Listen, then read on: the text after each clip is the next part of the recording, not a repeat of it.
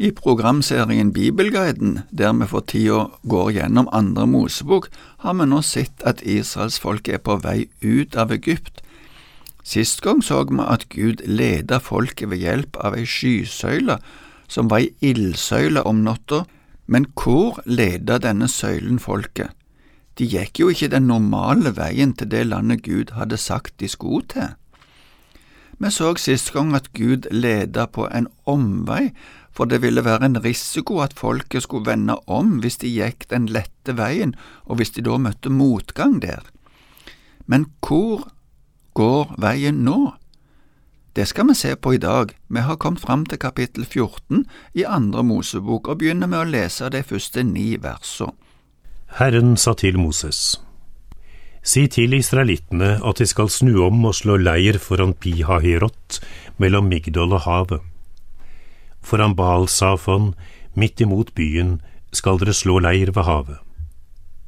Så kommer farao til å si at israelittene har gått seg vill i landet, og at ørkenen har stengt dem inne. Jeg vil gjøre faraos hjerte ubøyelig så han setter etter dem. Da skal jeg vise min herlighet på farao og hele hans hær. Og egypterne skal kjenne at jeg er Herren. Dette gjorde israelittene. Da egypterkongen fikk melding om at folket hadde flyktet, kom han og tjenerne hans på andre tanker om folket. Hva er det vi har gjort, sa de. Vi lot israelittene dra fra slavearbeidet hos oss. Så spente han for vognen sin og tok hæren med seg. Han tok 600 av de beste vognene og hva som ellers fantes av vogner i Egypt, og offiserer til hver av dem. For Herren gjorde hjertet til farao, kongen i Egypt, ubøyelig, så han satte etter israelittene. Men israelittene dro ut med løftet hånd. Egypterne satte etter dem med alle vognene, hestene og rytterne, hele faraos hær. De nådde dem igjen ved Pi Hahirot, der det lå i leir ved havet foran Baal Safon. De navnene som nevnes her, er ikke lett å plassere helt konkret. Pi Hahirot kan være en oversettelse av et egyptisk navn, kanskje Hators bolig eller noe lignende. Migdol betyr tårn, og kan kanskje henvise til et vakttårn som kan ha stått mange forskjellige steder. Baal Sefon betyr Nordens Baal. Baal er et kanoneisk gudsnavn, men det kan òg betegne herre, uten at det nødvendigvis er guddommelig. Selv om navnene ikke kan stedfestes, henvises det òg til at de skulle slå leir ved havet. Her er det fra gammelt av tenkt på Rødehavet, men nyere tolkningen har lagt dette til Sivsjøen, som er et sumpområde nord for Rødehavet. Egypterne la merke til den ruta israelittene gikk, og det fikk de til å tenke at de gikk seg vill, eller at de ikke visste helt hvor de skulle gå. De kom til å bli innestengt i ørkenen. Dette var et knep som Gud sjøl hadde sett i scene Gud ville på denne måten vise sin herlighet og makt over egypterne. Med faraos siste nederlag ville Guds navn og hans forbindelse med israelsfolket bli kjent og æra blant alle folkeslag. Egypterne beit på dette knepet, hvis vi kan si det slik. Farao og tjenerne begynte å snakke om hvordan de skulle klare seg nå, uten alle slavene så tenkte de at de skulle sette etter israelittene og tvinge dem tilbake. De hadde jo ikke kommet så langt, og de ville ikke klare å komme seg så mye videre heller. Farao tok med seg 600 av de beste vognene og det han ellers klarte å mobilisere.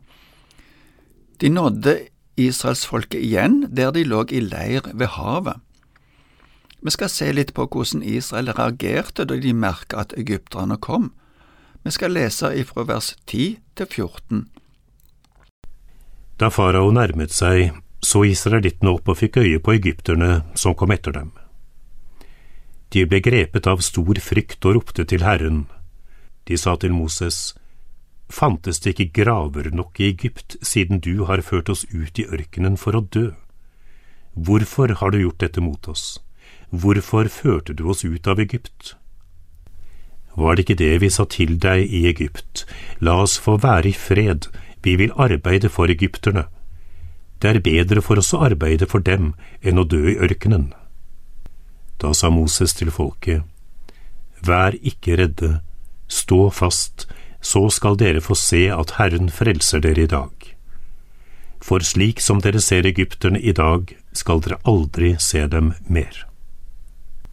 Herren skal stride for dere, og dere skal være stille. Det er ikke vanskelig å forstå at israelsfolket ble redde.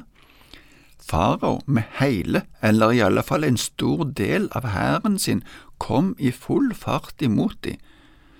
Vi kan ikke klandre dem for at de ble redde, men den spydige bemerkningen med spørsmål om ikke det fantes graver nok i Egypt, viser at de ikke hadde tro på at Moses gjorde dette på vegne av Gud.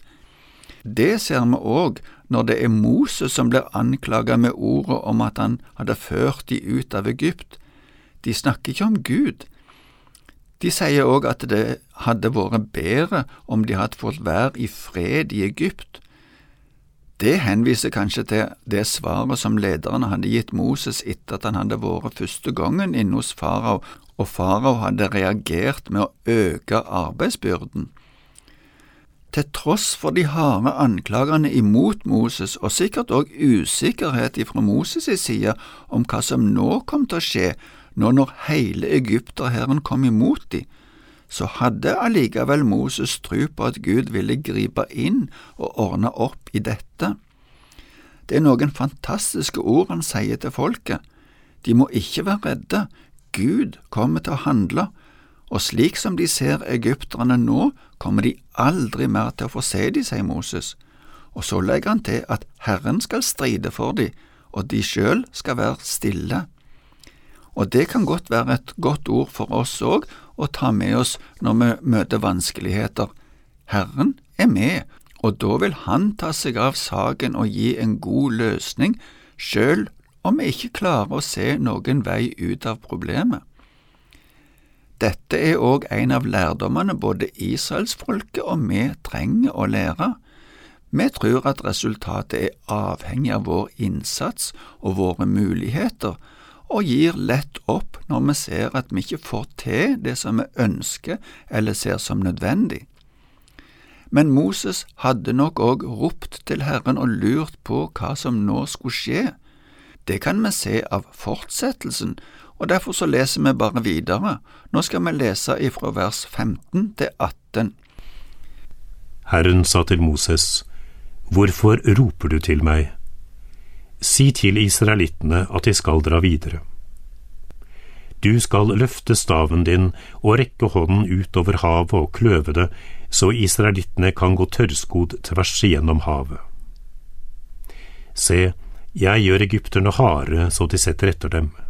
Jeg skal vise min herlighet på farao og hele hans hær, på vognene og rytterne hans. Egypterne skal kjenne at jeg er Herren, når jeg viser min herlighet på farao og vognene og rytterne hans. Herren taler til Moses. Først sier han noe som kan se ut som en anklage, men Moses hadde jo uttalt et mektig ord om tillit til Gud når han talte til folket, nettopp. Dette er Herrens strid. Folket skulle se på det Herren gjorde, men sjøl slippe å gjøre noe som helst. I neste setning sier så Gud til Moses et merkelig ord, si at de skal dra videre. For det første kan vi jo kommentere at det betyr at de ikke skal dra tilbake. Men hvor i all verden skulle de dra videre? Foran de var havet, og på alle sidene ellers var det ørken og fjell. De ville aldri klare å komme seg unna egypterne men i fortsettelsen forklarer Gud hva som skal skje. Moses skal rekke ut hånda med staven, og så skal havet åpne seg, slik at det blir en vei midt i havet, med havet som en vegg på begge sider. Det var den samme staven som Moses og Aron hadde brukt i Egypt i forbindelse med annonsering av plagene. Israel skulle få en vei der det ikke fantes noen vei, og de skulle krysse havet tørrskodd, står det. men samtidig skulle det skje at farao og egypterne ville følge etter de og ut i denne åpningen i havet. Der ville Gud igjen vise sin makt over farao, og alle egypterne skulle kjenne eller forstå at Israels Gud virkelig var Gud. Alt det Gud har skapt, var fullstendig under Guds kontroll. Gud ga beskyttelse til sitt folk, men før israelsfolket begynte å gå, viste Gud på enda en måte at han beskytta de. Han satte et skille mellom Israel og egypterne, slik at egypterne ikke kunne nå de. Gud stilte seg mellom. Men det må vi vente med å se på til neste gang. Takk for nå, og Herren være med deg.